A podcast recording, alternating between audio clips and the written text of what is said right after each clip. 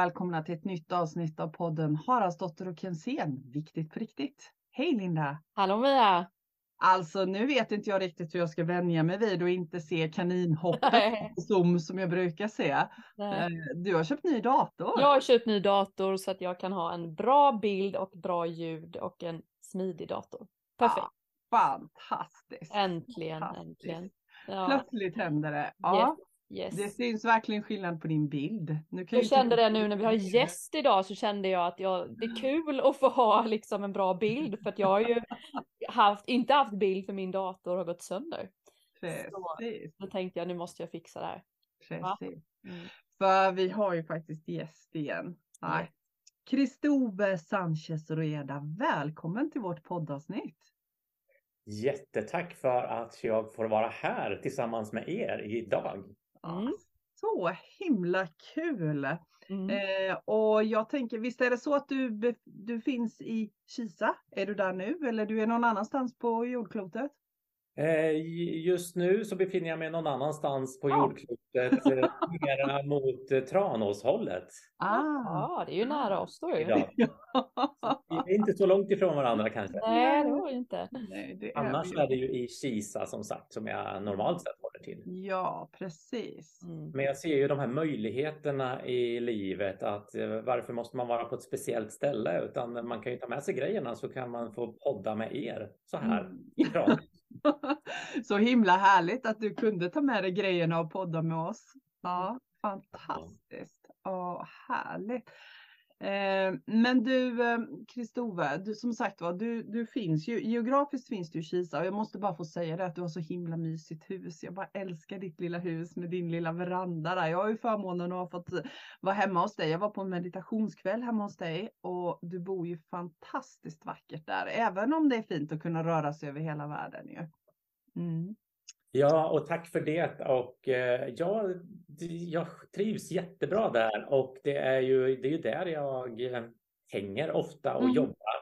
Och det är Mm. många som säger som du att eh, det är ganska lugna energier där Mm. i det här huset, även om det befinner sig ganska mitt inne i samhället Mm. Kisa. Mm. Så blir det ändå lite, ja, Mm. Mm. det blir på ett annat sätt. Det blir Mm. väldigt lugnt säger de. Mm. Jag vet.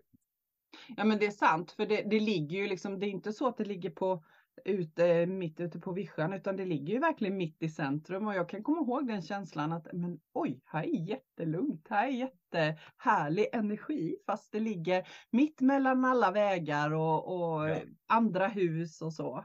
Mm. Ja. ja. Så, Alltså hade jag varit poddlyssnare nu så hade jag varit så nyfiken på vem, vem är det vi pratar med? Tänker jag. Ni känner ju varandra liksom. Jag fattar ju det. Ja, Men eh, vem är, vem är, vem är du? Eh, Jag är en eh, väldigt vanlig person egentligen som har verkligen nördat ner mig i det här med välmående. Mm. Och det här bygger ju på min egna resa. Att för egentligen så är det 20-årsjubileum nu. Det är ju nu 2023 och för 20 år sedan så låg jag totalt däckad utbränd på en soffa hemma i Kisa. Och det är faktiskt jubileum och jag säger det att tack vare det så har, poddar vi här idag för tidigare så levde jag ett väldigt vanligt liv. Villa vove Volvo om man säger så, om man ska generalisera någonting. Mm. Mina värderingar låg i att skapa ett bo och skapa familj och jobba på ett vanligt jobb. Mm. Sju, fyra gärna och jobba lite extra och tjäna lite extra pengar för att kunna vara extra ledig och åka på någon extra semester och sådana där saker. Lite ekorrhjulet. Just det. Mm. Och eh, det var jag inne i fram tills jag var 30 för idag är jag ju 50 då. Och, eh, men där blev det ju en liten, i den här Volvon så blev det ju en liten dikeskörning där som eh, skapade så mycket lärdomar för mig. Så sedan dess har det blivit, hur kan jag må bättre? Mm. Och just det här med att för mig blev det ju att hur, första steget var ju hur ska jag ta mig ur utbrändheten? Mm. Sedan så blev det ju, jag blev ju ännu mer nyfiken än så. Och istället för att titta utanför mig själv och försöka hitta lyckan där så började jag inse att eh, börjar jag hitta lyckan, tryggheten, kärleken inom mig mm. så blir resten en jättefin bonus. Så det blev en form av upptäckande. Hur bra går det att må? Utan någon prestation eller så, utan bara nyfiket letande. Mm. Kan jag göra så? Kan jag göra så? Och på den vägen är det ju så att eh, nu jobbar jag ju istället med att sprida det här med välmående genom att hjälpa människor. Eh, dels utbildning som jag håller och jag hjälper ju till också med samtal, hypnos, utbildad hypnotisör. Och hur kan vi jobba ur lite av det gamla bagaget? För det är ofta det som håller oss kvar.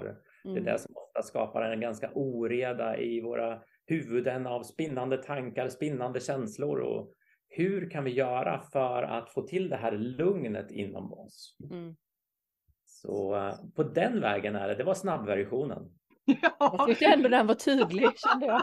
Tydlig och snabb, jag är djupt imponerad. Men du, om man backar tillbaka bandet då till när du låg där på soffan. För jag tänker att den känner ju många igen sig i. Tyvärr är det ju, eller ja, det är ju faktiskt både, både en tillgång och en, en jättejobbig period. När man är mitt i det så, så ser man ju kanske inte det riktigt som en tillgång. Men precis som du beskriver, när man kommer ur det, det är ju då som man, man kan känna att wow, hade jag inte hamnat där så kanske jag inte hade kommit vidare. Men jag tänker när man ligger där på soffan då som du gjorde. Yeah. Vad, vad var det som vad var det för något som gjorde att du ändå valde den vägen du valde? Tack för att du ställer den frågan. För att det egentligen var, den, det var det som jag ville mm. berätta. Mm. Att för när jag låg där på soffan och då var det så att tidigare i livet så hade jag stressat ganska mycket och haft migrän och sådana här saker där jag då ville vara i ett mörkt rum och så. Så jag visste vad migrän var. Men det här var någonting annat. Mm. Det fanns inte en chans att ta mig upp överhuvudtaget. Mina barn fick bo hos eh, mina föräldrar under två veckor för att jag kunde inte på något vis, jag kunde knappt ta hand om mig själv. Och jag minns så väl när jag låg där på soffan och eh, där var det ju bara att jag låg ju bara och väntade på att det skulle gå över. För att jag skulle ju snart vara tillbaka igen. Det här var ju liksom inget som skulle ta någon tid överhuvudtaget, utan jag var ju tvungen att snart komma tillbaka. Mm. Men min kropp sa ju helt stopp. Mm. Eh, det som hände där var ju att efter eh, några dagar, efter någon vecka och tio dagar så började det bli ganska långtråkigt att ligga där på soffan. Jag kunde inte så fort, liksom, jag kunde knappt ta hand om mig själv. Det som hände var att eh, jag började kunna dra på lite svag musik. Lugna favoriter fanns en radiokanal som hette det på den tiden. Jag vet inte om det finns kvar fortfarande. Jag vet inte heller. Där låg jag i alla fall och lite svagt lyssnade. För hade jag på för högt så blev det för mycket intryck. Men jag mm. låg och lyssnade. Sen helt plötsligt så märkte jag att jag, vänta nu, nu hände någonting med den här huvudvärken. Mm. Och så då reste jag på mig och så kände jag att nu är det, nu, nu är det klart. Nu kan jag börja sätta fart igen. Mm. Men så fort jag reste på mig så kom ju den tillbaka. Mm. Det som hände där var ju att jag har alltid varit lite nyfiken och jag har sett mycket i logik. Det ena ger det andra och sådana här saker. Jag har sett flöden på något sätt. Och det som hände där var att jag omedvetet började lägga bara, för jag märkte att huvudvärken gick ner emellanåt. Och sen så bara stegrades den igen. Det som hände var att jag mera kunde förlänga det här med att huvudvärken lugnade sig till från några sekunder till att det blev någon minut. Och där blev jag ju jättenyfiken på. Vad är det som gör att jag får huvudvärk ibland, inte annars? Så jag bara började titta på när huvudvärken släppte, vad gör jag nu? Jag bara stannade till. Och så märkte jag att jag sjunger med i mitt inre och då mm. Céline Dion var det när det kom den uppenbarelsen att mm. jag sjöng ju med. Och jag bara okej, okay. jag sjunger med i mitt inre till Céline Dion och då sjunker huvudvärken. Och bara jag gick in i den processen så small ju huvudvärken till. Mm.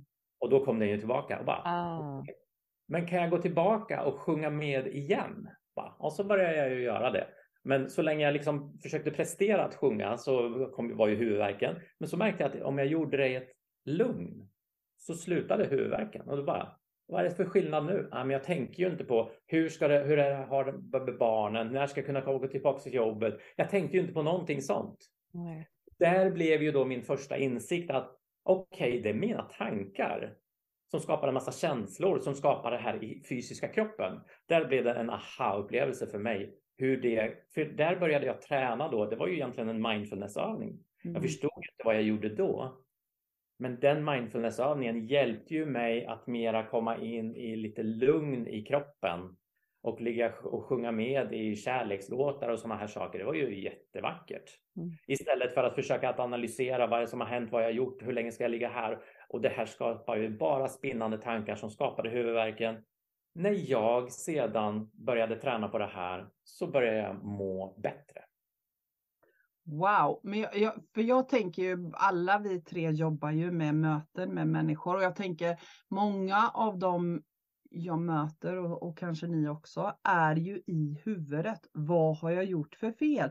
Så jag kan ändå bli lite nyfiken och lite fascinerad över att du gick ner i hjärtat. Att du liksom ändå hamnade i att förstå ganska, för för mig, det kanske var en längre process, men för mig låter det som att det gick ganska snabbt tills mm. du var med på banan, att det handlar om mina tankar. Och jag tänker det är där jag tycker, och, och, inklusive mig själv som ibland också hamnar i tankarna, att det är där man fastnar och att det är där människor fastnar mm. i tankarna. Förstår yeah. du vad jag menar? Mm. Oh ja. Oh ja. Så, så vad var det som gjorde att du ändå kunde komma ner i, i hjärtat så, så snabbt? Eh, det här jag såg var mitt egna eh, vad, vad jag gjorde. Jag såg egentligen vad jag gjorde. Mm. Gjorde för att och sen, jag låg ju där och experimenterade. Okej, okay, om jag börjar analysera saker, vad händer då hos mig? Mm. Äh, då, sti då sticker ju hjärtat börjar slå igång och tankarna bara spinner och jag får nästan panikkänslor. Då bara, okej, okay, men det är ju så liksom jag har jobbat. Det är ju så jag har gjort jättemycket. Okej, okay, men hur ska jag göra? Så att egentligen var det logiken. Jag såg en logik där och det är det här som jag har tagit med mig sedan dess. Mm. Att det ena, vad är det för faktorer som kan skapa det som vi, jag brukar säga det, vi själva skapar jättemycket av vårt mående. Jag säger inte allt så att vi behöver inte trigga igång någonting, utan vi kan skapa jättemycket av vårt mående hos oss själva genom det som vi fokuserar på yttre eller i det inre. Men det låter ju som att du, är väldigt, var väldigt, att du är väldigt nyfiken som person. Att det är det som har lite varit hemligheten, att du blev nyfiken på dig själv. Jag kan ju uppleva, eh, jag tänker det också ni som möter människor, att många gånger vill man inte ens vara ny, nyfiken på sig själv för att det är väldigt läskigt. Men att du har en del i dig, kanske personlighetsdrag, att vara nyfiken. Är det så, tänker ja, jag, när jag hör ja, dig prata? Absolut, det stämmer jättebra nyfikenheten har funnits och eh, annars har jag också sett den här, nu blir det mycket prat om logiken, men det, det, är den som har också sen, liksom på den här 20 åren, det är den som har hjälpt att ja, men jag har tittat lite på det och så har jag tittat lite på det och så har jag tittat lite på det och så har jag satt ihop de här och så bara oj, här händer det saker med mm. mående på det positiva hållet. Mm.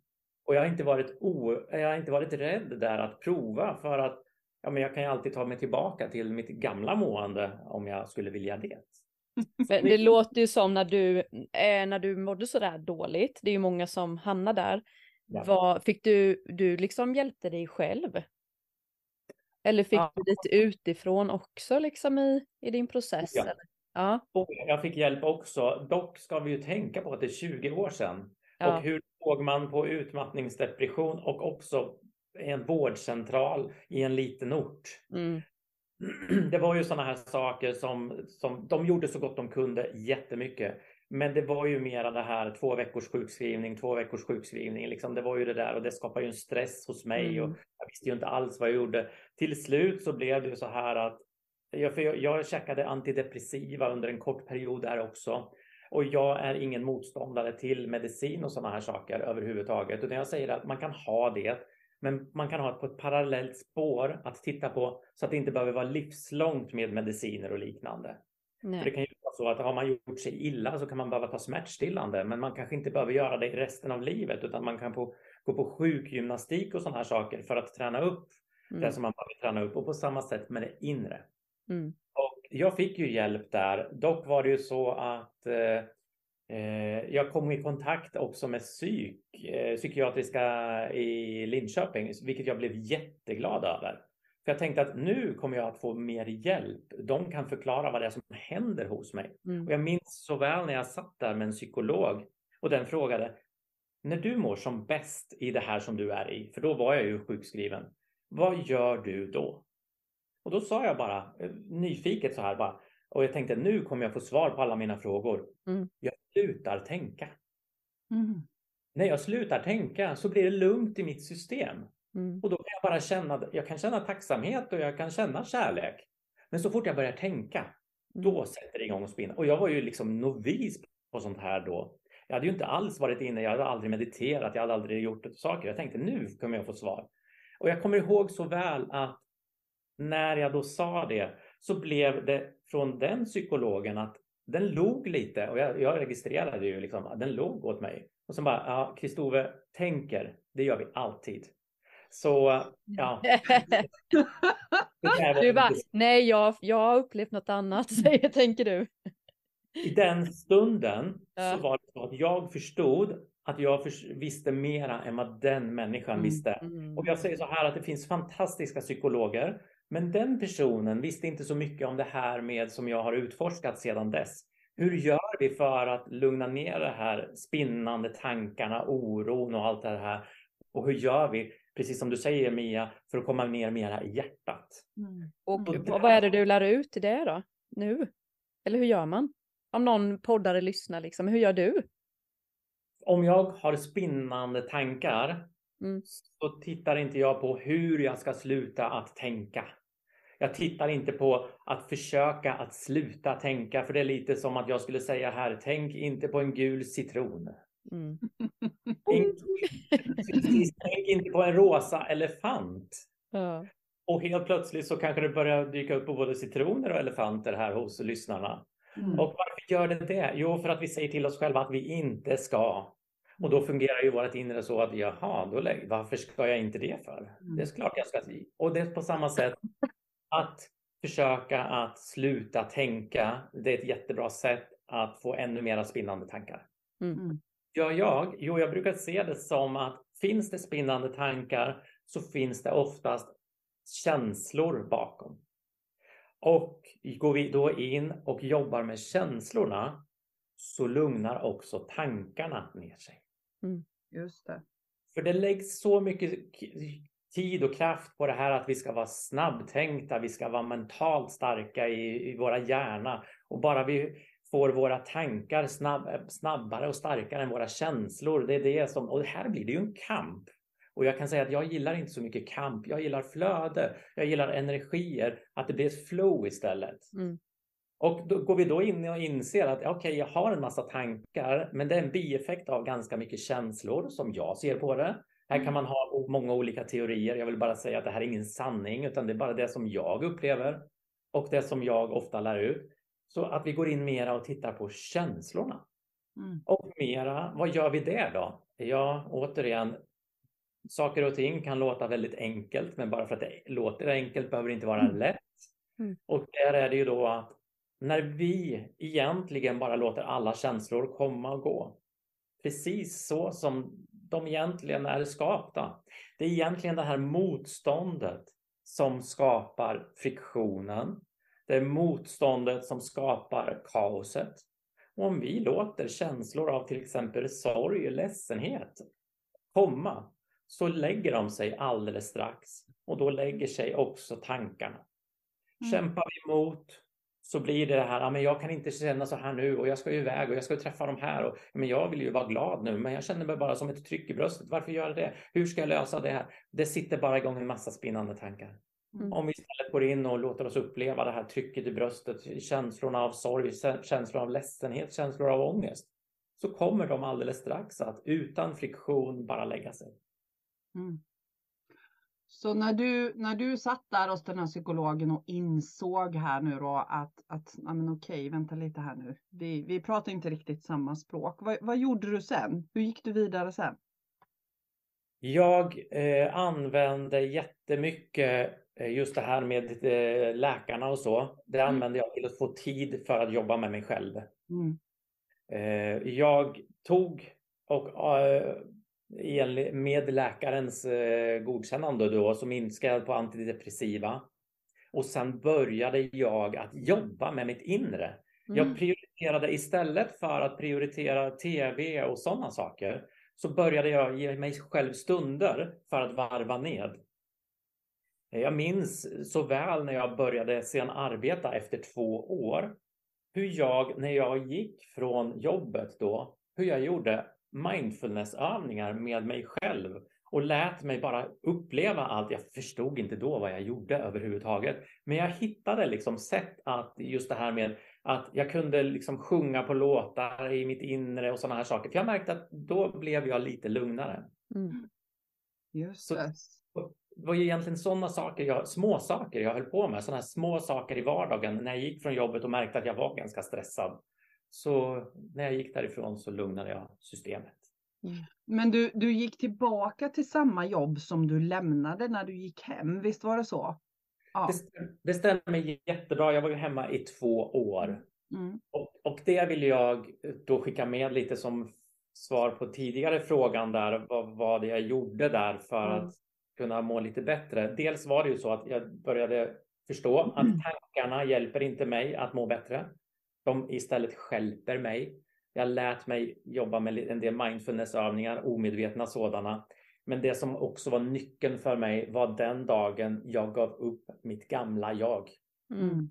Jag ville ju hela tiden tillbaks till gamla Kristove med gamla mm. energin. Och, men till slut så insåg jag, men vänta nu här, om jag går tillbaks till den så kommer ju jag att smälla i väggen igen. För det var ju den personen som assisterade mig till att smälla i väggen. Mm.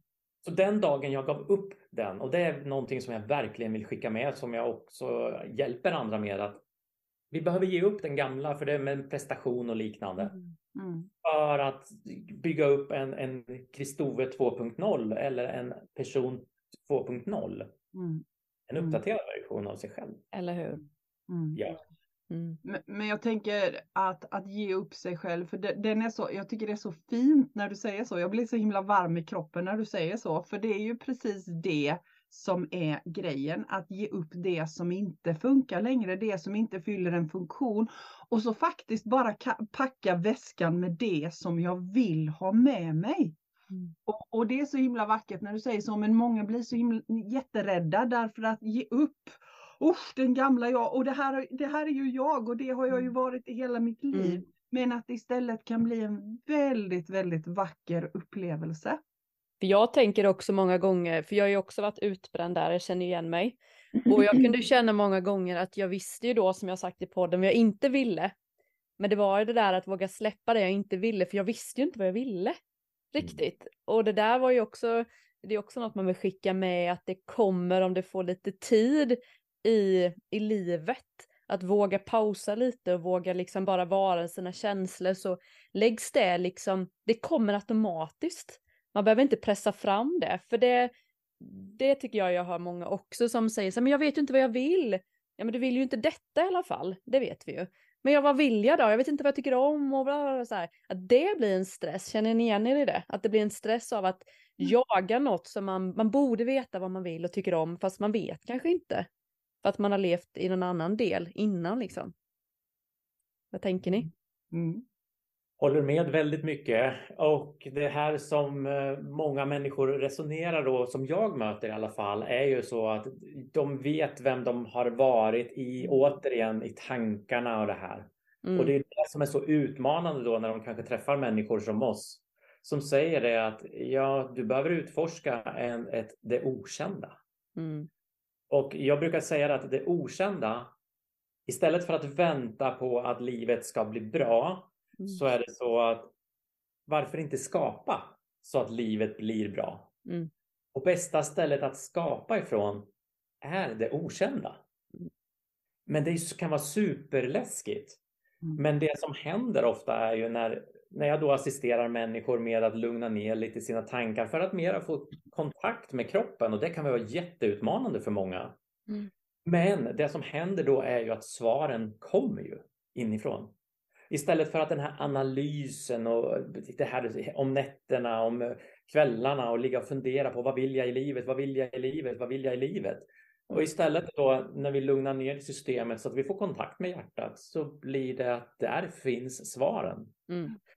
Jag brukar säga det att jag vill inte ge svar åt människor utan jag vill hjälpa människor att hitta svaren inom sig för alla har svaren inom sig. Mm. Jag är ingen rådgivare på så sätt utan jag, jag, tycker det är så vackert när de sitter där och så blir de tårögda. Nu vet jag vad jag vill.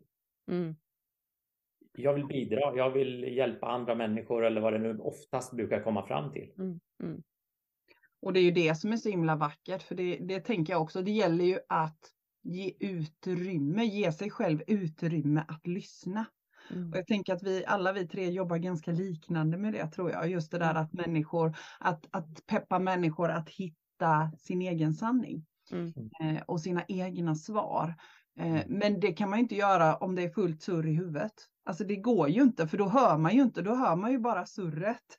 Och det, jag tycker det är så fint också att eh, vi gör det och vi gör det på olika sätt. För det är ju olika sätt som tilltalar olika människor, men grundbulten är densamma. Mm. Att lyssna inåt så, så hör du. Mm. Mm. mm. Men du, när du hade gett upp dig själv då, om vi, vi återgår till din historia, när du hade gett upp liksom gamla Kristove, vad hände ja. då? För det låter, så, det låter som att det var så här nästan, alltså det jag hörde var så här, Bada! du vaknade en morgon så här, nu, mm. nu ger jag upp gamla Kristove här, vart ska jag gå då? ja, och egentligen så blev det ju, den största utmaningen var ju att göra det. Ja. För precis som Linda sa, att mm. det, här, det här kan ju vara skrämmande. Mm. Mm. Och eh, det som då hände var ju att helt plötsligt så gick ju fokuset istället från lite som du sa också Mia, vad är det jag inte vill ha och så vidare. Men istället för att fokuset gick bakåt i tiden så blev ju fokuset vart vill jag någonstans? Mm. Mm. Och då kom ju riktningen, men så länge jag hade den här känslan av att jag vill tillbaka, jag vill tillbaka, jag vill tillbaka, så låg ju energin åt det hållet. Mm. Det blev ju energin också framåt och det, det, som också blev en jätteinsikt för mig. Och det här kan ju låta, alltså för många kan det låta jättekonstigt på ena eller andra sättet. Men för mig så blev det så tydligt att det här fantastiska nuet som kan för många låter så flummigt. Mm. Det är ju här och nu som vi skapar framtiden. Inte på måndag, inte nästa vecka, inte om ett år. Utan det är ju nu, det vi gör nu, det är ju det som skapar framtiden. Mm.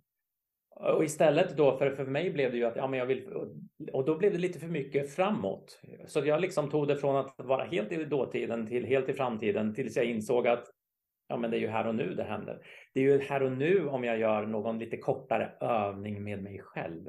Mm. Det är ju då som det börjar hända saker. Så att jag och Mia, det blev en jätteförändring. Bara jag mm. släppte energin om att jag vill gå tillbaka till den gamla Kristove så öppnade det upp sig till nya möjligheter och där börjar jag utforska då även nuet. Mm. Men, men, en annan sak som dyker upp i detta är ju hur, för, för det är också en sak som jag möter från många som, som jag möter i, i, i, i mitt arbete, det där omgivningen, familjen, omgivningen, arbetskamraterna. Va? Det är ju inte så vanligt längre. Mm. Vad, är det för dig? man blir lite ensam kanske, kan man känna sig. Eller ja. inte? Ja, faktiskt så var det så här att lite som ni var inne på tidigare, jag har nog varit nyfiken. Mm. Jag märkte att jag har hittat någonting spännande här för mig. Mm. Jag kände att jag mådde bättre och bättre. Det är klart, alltså, för jag har ju gjort många resor inom mig själv. Alltså, jag har jobbat som i tidigare inom jättemycket teknik. Var elektriker en gång i tiden, blev teknisk chef, underhållschef, mellanchef och sådana här saker i en industri. Väldigt mycket män, äldre, mm. eh, ganska mycket äldre män. Om vi bara målar upp någon form av vad vi kan ha lite för fördomar, vad de tycker och tänker när jag då själv började efter ett, ytterligare ett tag gå olika healingutbildningar och sådana här saker. Mm. Bara kände jag att ja, men jag har hittat någonting som gör att jag mår bättre. Och den styrkan gjorde att jag inte skämdes över det. Det var nog mera omgivningen som tyckte att det var lite mera pinsamt än vad jag tyckte. Mm. Mm. Men jag märkte att det hände saker hos mig och jag mådde bättre. Och jag kan säga efter att ha varit riktigt nere så blir välmåendet och att kunna må bra. Det blev någonting väldigt viktigt för mig. Mm. Och vad jag gjorde sen, Mm. det är liksom, jag brydde mig faktiskt inte om det. Nej. Självklart så blev det att jag hittade andra vänner, nya vänner. Och, eh, men jag har inte faktiskt känt mig, det här ensamheten, den kan ju dyka upp, absolut. Men jag, istället så när vi mera hittar oss själva så blir vi ju inte ensamma. När vi hittar lyckan inom oss, kärleken inom oss, så Mm. blir vi inte ensamma. Nej. Nej, och det, det är så sant Det är det du säger. Det är jätteviktigt och, och det är där vi hamnar.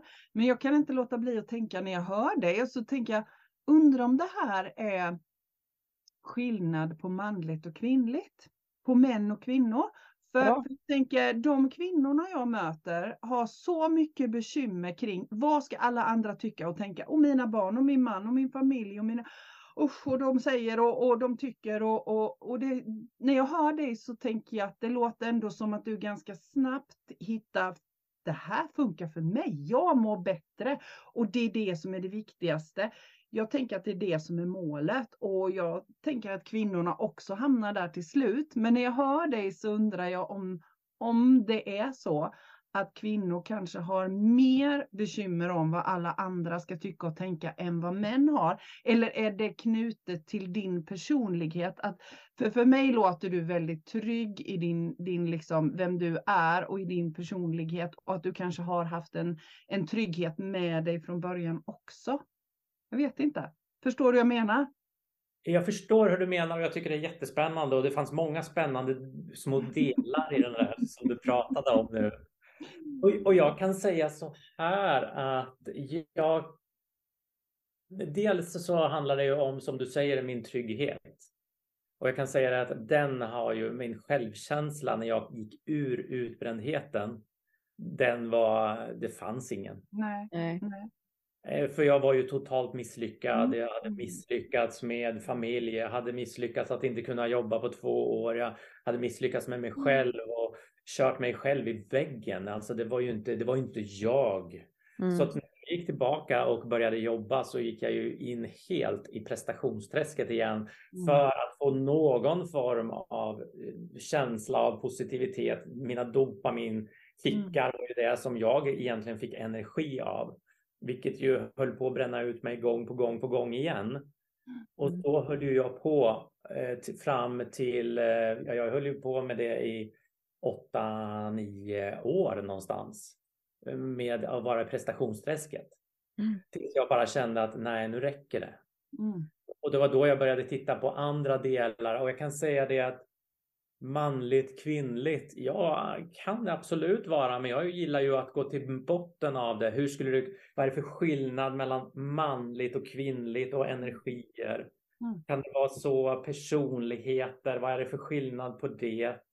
Vart kommer personligheten ifrån? Jag gillar ju att gå bakåt Mm. för att hitta mera fröna. Vart kommer den personligheten? Var kommer de dragen ifrån? Kan det vara så att vi, faktiskt har lärt oss mycket av våra personligheter? Mm. Mm. Och att vi lär oss, eh, som ni säger, just det här kan det vara manligt, kvinnligt? Ja, vi lära oss ju olika saker. Mm. Pojkar eller flickor när vi är små. Mm. Så absolut kan det vara sådana saker. Men ja, jag skulle vilja skicka med att nej, jag var, där var jag inte trygg. Nej. Men mig, hos mig blev det ändå en drivkraft att jag vill inte tillbaka till den jag var. För att jag, det, är, det är ju så att när jag låg där och efter, ja, liksom strax innan jag gick in i väggen, då, då mådde jag riktigt dåligt och då funderade jag på, ska jag ens vara kvar här i det här livet? Mm. Mm. Jag funderade ju på att ta livet av mig, så Mm. dåligt mådde jag. Jag märkte ju att kroppen började ju stänga ner, stelhet i nacken och liksom jag försökte att, och det, jag hade fantastiska människor runt omkring mig, men jag lyssnade ju inte på dem. Jag tog ju inte hjälp för jag var ju inne i tunnelseendet och bara mm. körde på. Mm. Och då, jag tror att det faktiskt är det som har varit min drivkraft, att jag har inte, det är inget fel att vara där, men det var ganska tungt och jobbigt. Mm. Och därför blev det så här att när jag hittade saker som jag mådde bättre av så blev det att ja, det vill jag utforska. Sen får människor tycka och tänka vad de vill, för jag vill inte tillbaka till det där mörka, svarta för mycket. Mm. Idag har jag utforskat det jättemycket. Jag är inte rädd för det, utan jag omfamnar det, vilket är ju är jätteskönt. Och eh, jag har tittat jättemycket på det här med döden och det hos mig själv och min inställning och det är faktiskt någonting som jag brinner för. Det finns så många som är rädda för att dö så att de missar att leva. Eller hur? Mm. Så det är därför, jag tror att det är det som blev min drivkraft mm. där Mia, att eh, jag vill inte tillbaka dit. Och då är det så att strunt samma vad de tycker om mig, för jag mm. har hittat någonting här. Mm. Och sen gav ju det ena det andra och helt plötsligt så börjar ju människor komma fram till mig och säga, men Kristove, du har ju mått jättedåligt och nu går du bara runt och ler. Mm. Du verkar ha en sån energi. Vad är det, vad är det som vad har du gjort? Och det var ju på den vägen. Jag hade ju aldrig tänkt att starta ett företag eller någonting sånt och hjälpa andra människor. Jag skulle ju vara kvar och jobba som elektriker hade ju jag tänkt. Men det, det blev lite annat av det. Mm. Men, men, då kan man ju, då kan inte jag låta bli och, och, och spinna på den här tråden med att titta bakom. Jag tänker, jag tänker att allt har en mening. Jag tänker att, att vi har eh, gudomlig hjälp, vad vi än väljer att kalla det, men det som är större än oss själva. Och då, då kan jag liksom, när jag hör din historia så kan jag nästan se så här hur du sitter i, i, i det gudomligas händer och får hjälp. För mm. att jag vet ju också vilket fantastiskt jobb du, du gör idag med så många som har sån nytta och glädje av att vara i kontakt med dig. Så jag tänker att det fanns också en större plan för någonting som du var ämnad för här i det här jordelivet. Yeah. Så, så, men att sen är det ju vår insats är ju att säga ja tack till det och våga ha tillit till det. Och jag tänker att det var ju din insats. Du vågade mm. ju det. Ja. Mm. ja. Mm. Jo, absolut, för det är ju så att eh, det är ju många som uttrycker sig lite och jag tycker att det är så kul att prata utifrån att ja, men du har haft sån tur, Kristove. Och det är ju det här att jag, jag, då brukar jag hänvisa till eh, Stenmark. Eh, Stenmark lär tydligen ha sagt det att Ja, det är konstigt det här med turen. Ju mer jag tränar, desto mer tur får jag. Eller hur? Och jag älskar den. Och det är ju oftast när man, när man går ner i det mörka eller den här jobbiga perioden och att man vill, det är ju då man läser saker. Mm. Och visst, det är ju det du har gjort, tänker jag. Att du har varit nyfiken på resan, att du fortfarande idag tänker jag våga gå mellan det här lite djupare, för det hamnar vi ju alltid i, att man mår liksom dåligt och så får man dra i det igen och så kommer man ut starkare. Och det är ju det som både är kul och jobbigt och läskigt, gudomligt och fantastiskt ju. Och det är väl tänkt att det är det vi tre har liksom lite fattat. Mm. Jag har ju fattat att mina känslor kan inte döda mig. Jag trodde ju det ett tag. Att mm. känslor var fruktansvärda så att jag trodde jag skulle dö. För jag hade sån panikångestattack liksom, jag trodde jag skulle dö. Men när jag någonstans på något sätt fattar att känslorna inte kan döda mig så bara händer det någonting. Och bara, ja det är bara känslor. Varför tar man det så fruktansvärt allvarligt? Det är så spännande nu. Efteråt så kan man känna att, att det var liksom livsjobbigt.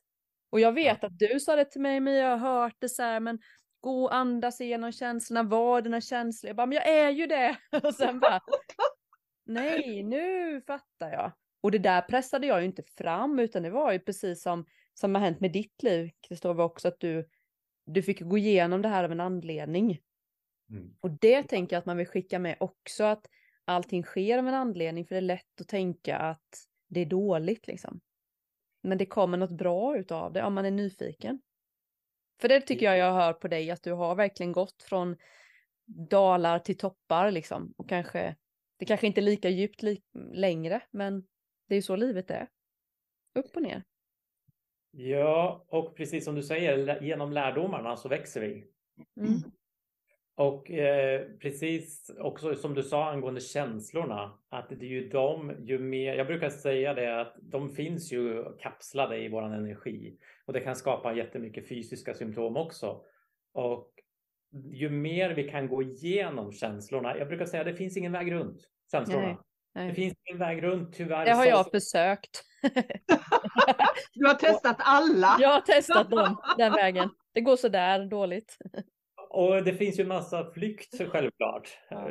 Sociala medier, tv, ja. shopping, mat och sådana här saker. Flykt, absolut, beteenden. Men annars så är det ju för att komma till friheten och det är ju det som jag försöker att på mina kurser. Jag träffar ju jättemycket människor som egentligen kanske var som jag ja. när jag själv gick in i väggen. Mm. Människor som inte har en aning om skillnad på en tanke och en känsla. Nej. Att man inte vet det. Och det som jag brukar skicka med är ju att ja, de vill ju minska sin ångest, oro, spinnande tankar och sådana här saker. Och det som jag brukar säga är att det finns tyvärr ingen väg runt. Men det finns en genväg. Och det är genom känslan. Mm. Mm. Och friheten på andra sidan är enorm. Mm. Ja, det är häftigt. Men, och, och den kan man ju inte...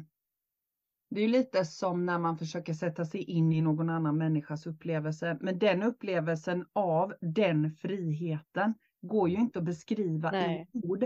Den måste man själv uppleva för den ser ju dessutom inte likadan ut för någon av oss. Mm. Men känslan av den friheten, om man en gång har smakat på den, då vill man aldrig mer Nej. ur den känslan. Nej. Aldrig. Nej. Nej. Helt rätt. Eh, och det, det är så vackert och jag tänker att alla kan uppleva det. Precis alla, det finns ingen så. För, för det, det är också lätt att tänka att ja, ja, det är för de andra, men inte för mig. Ja. Jag kommer aldrig att kunna komma dit. Eh, jag möter det så mycket, nej men det, det kan ju de andra, men jag kan inte, vet du, det går inte. Mm. Mm. Men alla kan verkligen det, jag är helt övertygad om det. Mm. Absolut. Oh ja, det brukar det ofta vara det här huret som saknas. Mm. mm. Att man inte vet riktigt hur man ska göra. Mm. Och det är där som jag har gått in och tittat på att mm. det finns ju jättemycket fantastisk kunskap. Och eh, just det här med att eh, meditation, mindfulness, vi går in i olika upplevelser. Men det som jag saknade när jag själv började söka ännu mera den alternativa vägen var en hel del huret. Mm. mm. Hur gör jag för att gå igenom en känsla då? Om det här, mm. jag har en massa spinnande tankar, okej, okay, jag har en massa oro i kroppen. Jag mm. förstår att de spinnande tankarna beror på det. Men sen är det ju det här att, men hur gör jag för att gå igenom en känsla? Och det var ju där jag märkte att där finns det ju också den här logiken. Att vi kan göra det som egentligen en steg för steg. Mm. Och ju mer människor lär sig de här stegen bara, aha, var det så det var? Mm. mm. Och då kunna uppleva den här andra sidan som du säger Mia, mm. den fantastiska andra sidan. När jag själv, jag stod på mässor tidigare innan covid-tiden. Jag körde sådana här 15 minuters sessioner, bara jobbar med känslor. Och människor var ju så här, bara, vad är det här för någonting? Jag har gått runt med min ångest i flera år och på, på några minuter bara så, så kan jag bara känna det här lugnet. Mm. Men självklart så var det ju inte så att ångesten var borta för alltid, utan den kunde ju smyga sig tillbaka på grund av triggers i sin vardag och sådana saker. Men den kunde få vila lite i det. Mm. Det är ju det här nu vi lär oss huret. Och inte bara lära oss huret, utan också måste vi ju göra det här, göra huret. Mm. Eller hur? Våga göra huret. Ja, mm. precis. Mm. Men, men var hittade du liksom, var hittade du de här verktygen då? För att då, då letade du och så, och så upptäckte du att ja, men det finns inget, eh, inget hur. Så, så hur bar du det åt för att hitta huret då? Ja, jag kan säga att jag har tillbringat några timmar med mig själv.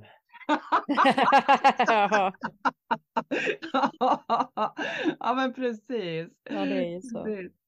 Nej, men faktiskt seriöst, för det är så att eh, nu när jag lär ut väldigt mycket huret så brukar jag säga det att, för jag ger ut en hel pärm med verktyg när man hamnar i olika situationer så kan man liksom få steg ett, gör så, steg två, gör så. Vårt inre vill ju kanske inte göra det, för det vill hellre ta fram telefonen och fly ifrån det här inre.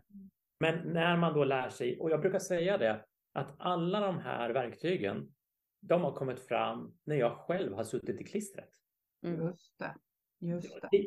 Och det är genom, om vi går tillbaka till den här eh, när jag låg där på soffan mm. och hade så där ont i huvudet. Det är så jag har fortsatt att vänta, för jag märker att okej, okay, nu, nu händer det någonting hos mig. Det, det är någonting hos mig. Vad är det här för någonting? Vart kommer det här ifrån? Kommer det ifrån min barndom? Vad är det här? Jag blir triggad av en person, men jag vet att det inte är den personen egentligen. Hur kommer det sig att jag blir triggad? Inte förstå.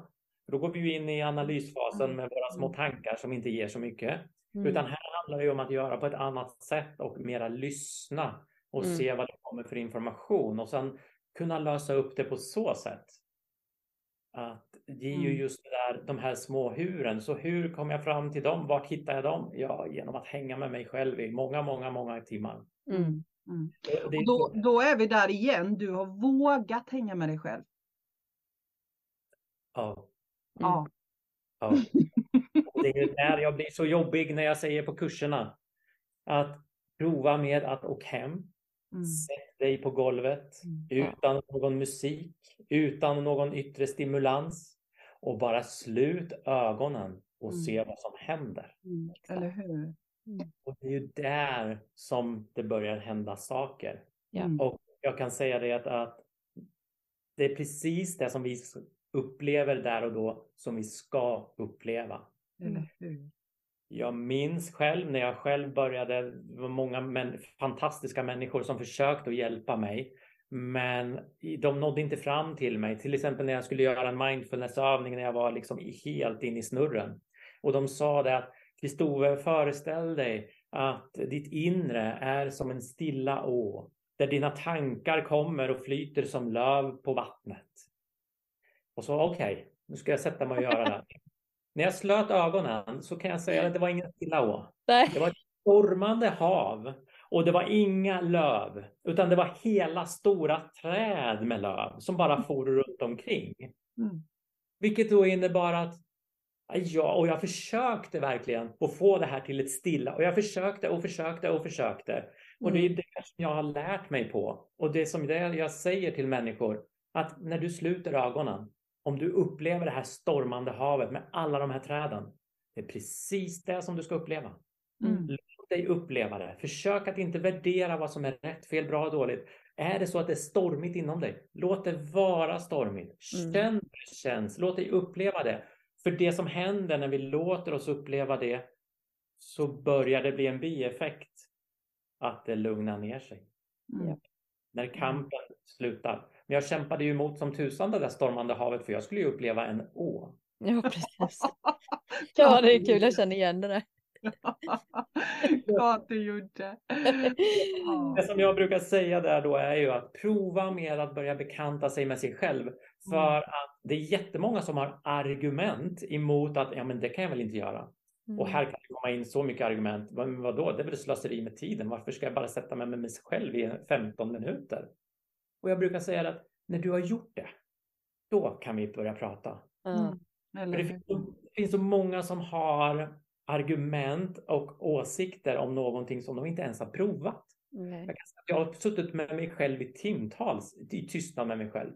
Jag tycker varför... det är så kul, jag har någon som säger, eller så sa någon gång att sätt dig ner bara med dig själv, säger jag också den. Hon bara, ja, eh, tio minuter räcker, så jag. Så här, hon bara, ska jag se, tog hon upp kalendern tycker det var så kul och så bara så här, bara, torsdag om två veckor liksom. Jag bara, nej men alltså tio minuter, du, du kan sitta kvar i bilen utanför och låtsas som att du pratar med någon. Alltså det spelar ingen roll, det räcker med så fem minuter och bara stilla sig. Men jag tycker det var så roligt att, och det där tycker jag är en symbol av hur många skjuter saker fram liksom. Ja, jag, jag ska göra det ja, nästa fredag eller nästa och det är liksom tio minuter av ens liv, eller fem räcker ju till och med. Eller tre ja. minuter. Om man mm. aldrig har gjort det liksom. Eller bara sätt dig på toaletten, när du är på toaletten, stanna kvar en stund. Liksom. jag tycker det är så kul. Bara, vänta lite. Det är ju det, rädsla tänker jag. Ja, och varför ska man göra det? Och, eh, men det är ju där när man börjar göra det. Jag hade en person som var verkligen så här mycket energi som jag träffade en gång och så var verkligen så här bara stretade emot under Mm. en utbildning och jag sa bara, "Ja, men det här är bara ett förslag. Du behöver, men jag vill veta varför, jag vill veta varför. Mm. Gör det först så kan vi prata om det sen. Det Ja. jättefina var att hon gjorde det och hon bara berättade om att det här var en av mina mest Mm. fantastiska upplevelser i mitt Mm. liv. Mm. Jag trodde aldrig att det skulle vara så. Men när du sa att jag bara skulle uppleva allt istället för att värdera och försöka få något lugn. När jag skulle uppleva att det var kaos inom mig och upplevde kaoset så började det lugna ner sig. Mm. Och det är det som jag tycker är så fint med de här människorna, att när vi mera berättar hur man kan göra, det Mm. är då man kan börja utforska det här inre som jag tycker är fascinerande, att människor kan gå ett helt liv och Mm. veta så mycket om vad som sker runt omkring i världen och grannarna och renoveringar och massa andra sådana här saker om som är viktigt att förse sig med information. Men de har aldrig satt med sig med sig själva i tio minuter i tystnad Nej. och se vad som händer. Mm. Det här utanför har de full koll på, men det som händer inombords, de vet inte vad som är skillnad på en tanke och en känsla. Och det är Nej. där vi- vi vill skicka med hopp. Att där Mm. finns så mycket lugn, trygghet, kärlek, frihet. Och så kommer det så mycket möjligheter. Mm. Och bara för att man jobbar med sitt inre och för en liten stund går in och sätter sig i stillhet betyder det inte att man blir inaktiv. Just. Utan det, det är ju där en... För det är ju många som tror det. Mm. Kristove, du får väl ingenting gjort? Faktiskt var det så att det var en deltagare som en gång i tiden resonerade med sin, sin eh, kompis när de gick ifrån en kurs. Kan Kristove ens köra bil? Varför då? Han är ju så lugn. ja, just det. Just man kan inte köra bil och vara lugn. nej. Jag visste Nej. inte det. Nej. Man ska ju liksom vara den här lite hetsiga, kanske då bilföraren eller så. Just det, just det. Det är ju den här, och det här är ju bara sådana här föreställningar som många har. Liksom att vara så där lugn, ja men då får jag ingenting gjort. Nej. Och jag kan säga det att, att när jag hör då människor som börjar jobba på sitt lugn som märker att de kan vara så produktiva och faktiskt prestera fast utan prestation. Mm. Mm. Men, och jag tänker att det är ju liksom, det är ju inte så konstigt det där med prestationen, för det är så vi är uppvuxna. Alla vi som lever i samhället idag är uppvuxna med prestation. Så om man, om man ser det så är ju det här ett helt annat sätt att förhålla sig till livet än vad de allra flesta av oss är vana vid. Ja. Eh, så jag kan ju förstå att många tycker det är läskigt för att vi är så vana vid att vi måste hela tiden preste- prestera och, och göra saker och vara i varandet för annars är vi ingen. Mm. Det är ju, vi, vi har ju övat nu och vågat vara själva med oss själva och fattar att det ligger inte i varandet, det ligger i, i ärandet. Eller det ligger i varandet, inte i görandet ska jag säga. Mm. Det ligger i, i det vi är. Ja. Men det, så är ju inte samhället uppbyggt. Det är uppbyggt i prestation, i görandet. Vi ska hela tiden göra. Jo, men nu har jag gjort detta och detta och nu har jag renoverat här och nu har jag gjort detta och jag, har gjort det här på jobbet och, och jag har så mycket att göra. Man ska hela tiden vara aktiv. Mm. Eh, så, så det är ett helt nytt sätt att tänka för många. Och det är ju läskigt, men så häftigt när man vågar. Mm. Så, men jag tänker jag har en, en annan fundering. För jag menar det här gjorde du. Du utforskade dig själv för att må bra. Men vad var det sen som gjorde att du tog ett steg vidare till att faktiskt hjälpa andra? Att hitta samma sak Mhm. som du. Ja, det var ju att jag mådde bättre och bättre och Mm. bättre. Och det var ju där som jag fick då frågorna från andra människor. Men vad, vad gör du för att vara så där lugn och när det är surrigt runt omkring? Hur kommer du, hur gör du för att bibehålla lugnet? Och det var ju där som det ena bara gav det andra, att jag kände helt plötsligt att jag hade ett överflöd också Mm. av energi. Mm. Ett överflöd, för det brukar jag säga att det finns så många som vill hjälpa andra människor. Eh, Och det träffar jag jättemycket och när de börjar lära sig huren och så ska de liksom hjälpa alla andra. Och jag brukar säga det att vänta tills det kommer överflödet. Precis. För annars så kan det ju vara så att vi söker den här lilla kicken av att hjälpa någon och det är jättevackert. Det är jättefint. Men det är inte säkert att det är så hållbart som om vi istället har ett överflöd som vi ger, Mm. eh, delar med oss av. Mm. Så egentligen var det ju att människor kom och var nyfikna och de ville helt plötsligt, kan jag, kan jag få komma hem och ta en fika hos dig och så kan vi prata lite.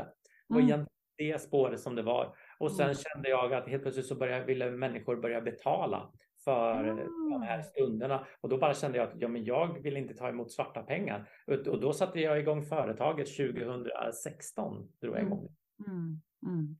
Mm. Och sen så drog jag ju igång sedan 2017 med den här utbildningen som jag Mm. nu har. Och det är Kan, du inte, kan du inte berätta lite om din utbildning? För den är så himla spännande. Ja, det kan jag jättegärna göra. Och den, den, Vad glad den, han blev. Ja. ja, Du brinner för den va? det, det, det, det är en form av bebis. Är det ju. Mm. Ja. ja. Eh, Och det som händer, ja, eh, här händer det ju känslor hos mig. Mm. Eh, När, för det är ju faktiskt så här om några dagar så ska jag träffa 15 människor som jag inte har träffat förut som Mm. kommer på första steget. Mm. Vanliga människor som har en massa spinnande tankar, som har en massa känslor hos sig, som inte vet skillnad kanske på tankar och känslor. Och det är ju egentligen där som jag har dit, det är den målgruppen som jag har riktat mig ganska mycket till. Eh, sen är det ju alla välkomna självklart. Men det är ju det här när vi inte vet hur vi ska jobba med det inre. Mm. Där går vi ju in på huret. Det är först så jobbar vi ju med information så att vi börjar förstå oss på oss själva. Mm. Det här med till exempel att vi fokuserar så mycket utanför oss själva.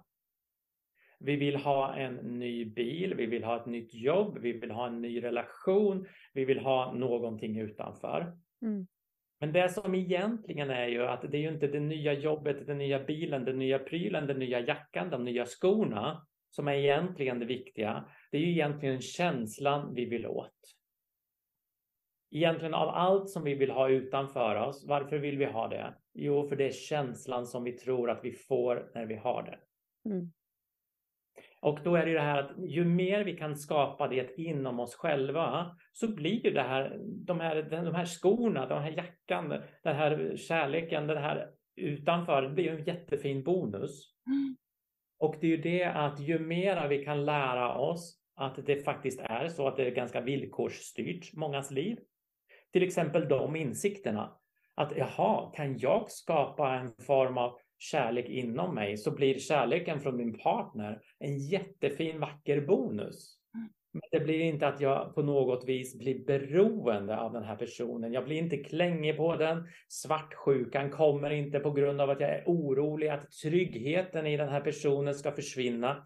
För jag har dessutom också tryggheten i mig själv och så vidare och så vidare. Såna, så här jobbar vi ju på de här kurserna för att först inse vad är det för någonting vi har blivit inmatade med, precis som du sa Mia, från Mm. början och prestation och sådana här Mm. saker. Mm. Jag sticker hål på prestationen, jag sticker hål på det här med positiv stress och sådana här saker. Så för att, vad är det vi håller på med i livet? Mm. När människor börjar inse det, det är då vi också går in och tittar på, men hur ska jag göra för att mera bli fri ifrån mina gamla beteenden, mina gamla vanor? Att så fort jag kommer hem och känner mig att jag är precis slut så går jag till kylskåpet. Och då tittar jag inte efter de här fantastiska energirika maten, utan då är det någonting annat som frestar mig. Mm. Och jag tar gärna lite choklad eller någonting sånt för att bli lite glad.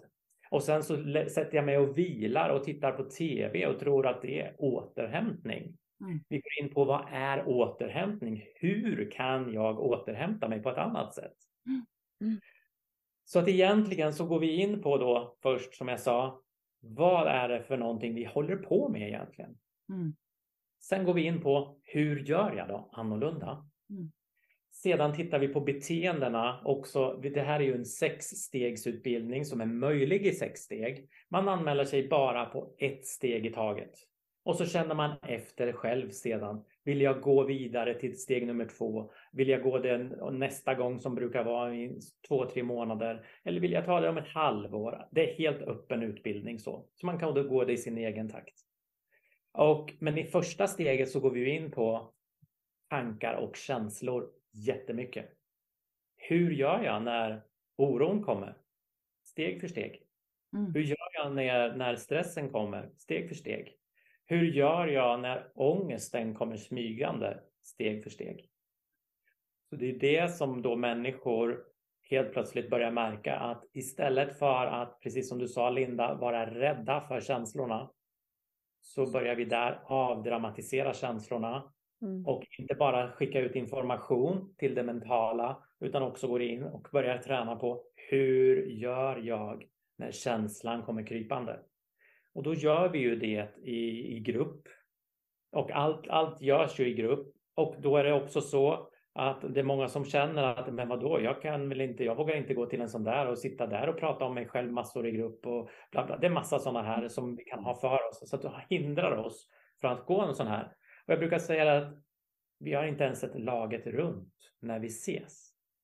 Man behöver inte säga ett knyst överhuvudtaget under den här utbildningen, för det är ingen samtalsterapi. Det som är gemensamt för alla människor är att de har med sig ett bagage av upplevelser som idag antagligen skapar känslor och tankar. Antingen är det så att de sitter fast och tycker att det är jobbigt eller så är de bara nyfikna på hur kan jag må bättre? För jag har hela spannet från mm. människor som bara vill må bättre och mår väldigt bra eller som sitter fast. Mm. Och det som är då att man behöver inte ta med sig och berätta en massa. Man får göra det, det finns utrymme för det. Men det som är att vi behöver inte. Och det är många som säger att ja, bara du sa det så vill jag komma på kursen. Mm. För att många som faktiskt är rädda för att mm. dela med sig. Mm. Och jag brukar säga att vi, att vi inte delar i till exempel laget runt det första vi gör beror på att det är många som inte lyssnar på vad de andra säger för de är så nervösa. Vad ska jag säga? Och så mm. säger den andra personen precis det som jag skulle säga. Nu måste jag hitta på något nytt. Det mm. finns så mycket beteenden hos oss. Vi går in i en trygg bubbla, lugn miljö och matar med en del information så att vi förstår så att vi kan bli motiverade att börja göra hur. Mm. Och det här kommer ju då paketerat. Mm. Tre dagar och eh, vi kör ganska långa dagar. Jag brukar säga att jag är ingen så här som klockan 16 säger jaha, ha en bra kväll nu så ses vi imorgon klockan eh, halv nio igen. Vi hänger med hela gruppen så länge de önskar. Men vi brukar köra från sådär en nio till nio. Mm. Två dagar och sen tredje dagen så slutar vi lite tidigare. Mm. Mm. Så det är lite som eh, man kliver in som i en bubbla och man gör övningar för att kunna förstå sig på sig själv ännu mera. Längre upp i stegen så går vi också in på, jag, i och med att jag jobbar som hypnotisör och det kan vara ett av många sätt för att börja jobba med det gamla bagaget. Mm. Jag märkte hur jag började göra det här på mig själv. Mm. Att jag gick inte till någon hypnotisör utan jag gjorde processen hos mig själv. Kan jag göra processen hos mm. mig själv så kan jag lära ut processen så att andra kan göra det på sig själv. Och det mm. gör vi längre upp i stegen. Men då brukar jag säga det att när vi väl går in där och ska börja, börja jobba med vårt förflutna så är det bra att inte vara rädd för sina känslor. Just för det är genom känslorna, som vi sa tidigare, vi ska gå igenom de här känslorna. Och där kan vi stöta på en del lite fantastiskt stora saker som kan göra oss så fria. Mm. Men då, då, är det bra, jag brukar säga då är det bra att ha svart bälte i att jobba med känslor. Mm. Just det. Just det. Mm. Wow. Jag tänker det är synd att ni som lyssnar inte ser Kristove när han pratar om det här. För det, det, det, lyser om dig när du, när du pratar om detta. Verkligen, det är så fint att se. Eh, men jag tänker så här, om det är någon nu som lyssnar och känner så här att Ja, jo, men han verkar ju vara en himla bra prick den där Kristove, men att gå i, i grupp så där, det känner jag inte, men jag skulle gärna vilja träffa honom eh, för en, en session. Visst jobbar du en till en också? Jag jobbar en till en, men tyvärr så jobbar jag bara med de som går utbildningen. Ah, Okej, okay. för det, jag fattar, det finns inte utrymme. Precis. Mm. Mm. Och faktiskt så är det så att det är eh, typ tre fyra månaders väntetid mm. även för de som mm. går utbildningen. Jag förstår det. Mm. ja. Jag förstår det. Det är här jag jobbar med att försöka att klona mig och det är det som jag brukar också säga att när man går de här stegen så kan mm. man också certifiera sig och mm. Eh, då när jag vet då att människor jobbar liknande som mig, det är det jag håller på med. Jag håller på att försöka göra mig själv arbetslös. Det är mm. min vision. Mm. Att jag ska inte, det ska inte behövas sådana människor som mig. Mm. Jag vill att människor ska lära sig det här själva, kunna jobba med sig själva, bli sina egna terapeuter. Mm. Och sen kan jag ta ett jobb någon annanstans. Jag kan sitta och skanna lite varor på ICA och prata lite med människorna som går förbi där. När alla människor kan må bra. Det är mm. min vision. Mm. Mm.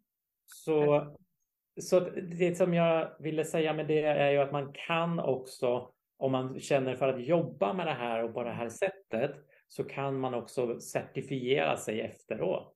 Mm. Och då, så det är det jag jobbar på mer och mer. Dock var det ju så att det är ju min särbo Jannica där har ju gjort den här resan och själv jobbar. Det var ju bara det att det hände ju samma sak med henne så nu har hon också bara tid med människor som går utbildningen. Mm. Just det. Det blir fler och fler som går utbildningen det, vi brukar säga så här att att vi också gör det beror ju dels på att det finns så många som vill gå Eh, och träffas en till mm. en och få en liten boost på vägen. Men när vi ju då gör det och en människa inte är så rädd för sina känslor utan man kan jobba i en session med en människa som vet en del och vi kan luta oss mot teorier som vi har gått igenom. Jag brukar säga att en session med en person som har gått bara första steget är ungefär tre sessioner med en som inte har gått de stegen. Mm. Mm. mm. Det händer så mycket mera och det är människor som, som vill träffa mig så i sessioner. Jag brukar säga det att ja, liksom priset för att ta tre sessioner eller ta, ta en session och gå utbildningen mm. nästan på ett ut plus mm. att de får någonstans 30 timmars utbildning. Mm. Och vi kan komma fram till samma resultat. Plus att de själva kan jobba på sig själva mellan gångerna. Precis. För det finns ju så många, det, här är ju en utbildning, det här är ju inget retreat utan det är en utbildning. Så att man får med sig de här verktygen så att man kan jobba på sig själv hemma emellan. Mm. Istället för att bara boka sessioner med mig. Jag har en liten utmaning med svartsjuka och så ja, då går vi in och jobbar på den och vi ökar upp tryggheten. Men så var inte den tryggheten, vi kom inte riktigt till botten med den. Så är det en otrygghet med prestationen på jobbet. Ja, så bokar vi sessioner med den. Nej, man får med sig verktyg att börja jobba med sig själv. Mm. Och sen kan vi gå in riktigt på djupet under en session och jobba med tryggheten, komma tillbaks till den ursprungliga urkraften, kärleken, där det finns så mycket möjligheter. Och mm. alla de här programmen egentligen bara faller av vem mm. är? Varför ska jag prestera för? Mm. Varför ska jag vara svartsjuk för? Jag har ju mig själv. Jag får prata med den här personen så att jag kan förstå hur den tänker lite kanske. Mm. mm. Istället för, ja. Så mm. långt svar på din fråga, men sessioner är, finns möjligheter. Men då brukar jag säga att då är det ju den här utbildningen först. Ja, ja precis. precis. Mm. Ja, wow. Linda, man blir lite sugen på att gå, eller hur? Absolut, absolut. Med alla jävla poddar vi får så bokar vi upp oss på olika behandlingar. Ja, och, och utbildningar och, och grejer.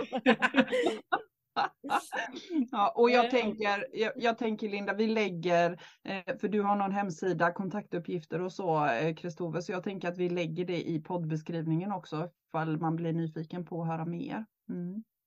Och det som jag brukar säga är att är man nyfiken på just det här med välmående, jag kan man kanske fundera på, ska jag gå utbildningen, ska jag inte, är det här någonting för mig? Så brukar jag säga det att eh, lyft luren och ring mig. Mm. Eller hur? Mm. För istället för det här med, det är inget fel att skicka meddelanden och sådana saker, men jag får väldigt mycket meddelanden, jag får mycket mail och sådana här saker. Och jag kan säga det att svara på alla de här frågorna i ett mejl tar mycket längre tid. Så vill man hjälpa till att spara min tid så att jag kan återhämta mig ännu mera, och få ännu mera överflöd och kunna ge ännu mera.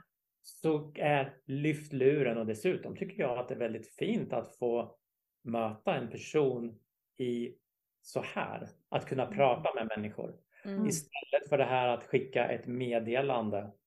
Så lyft luren och ring. Mm. För, och är det så att jag inte svarar så prata bara in ett eh, kort meddelande så ringer jag upp vid tillfälle.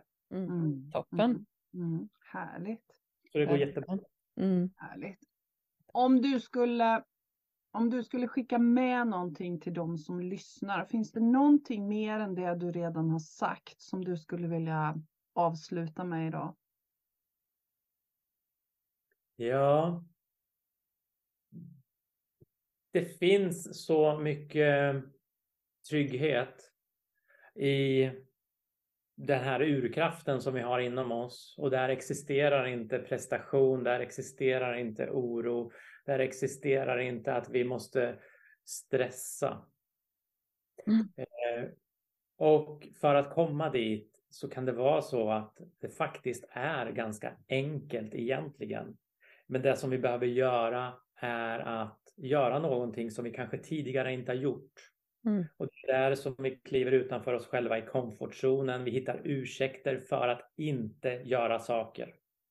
Men det kanske är att sätta sig med sig själv i tio minuter och bara se vad som händer. Mm. Och inte värdera vad som är rätt, fel, bra eller dåligt. För det är ofta det som skapar lidande, värderande. Utan istället låta sig uppleva allting. Så kan det faktiskt vara så att vi kliver in i det här varandet i nuet. Som vi kan skapa så mycket fantastiskt. Och ja, det bästa sättet som jag sa förut är att få det livet som vi önskar är att skapa det. Mm. Istället för att hoppas på att det ska hända. Mm. Och vi kan skapa så mycket. Mm. Wow. Jättebra. Ja, Toppen. fantastiskt. Så himla fint det har fått vara och ha den här stunden med dig eh, Kristove och eh, jag är säker på att de som lyssnar på vår podd eh, kommer att uppskatta det här avsnittet jättemycket. Mm. Eh, fantastiskt, så himla härligt. Stort tack till dig. Tack själva för att jag har fått vara med och få tack för alla fantastiska frågor.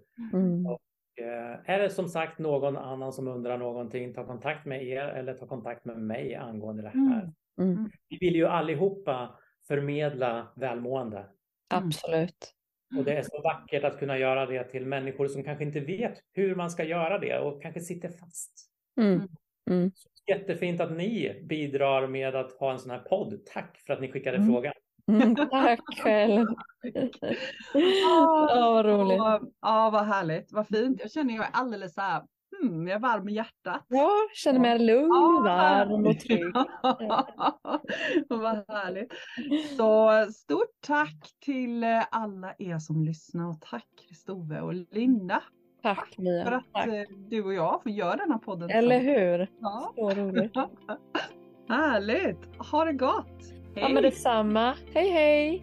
Hej då!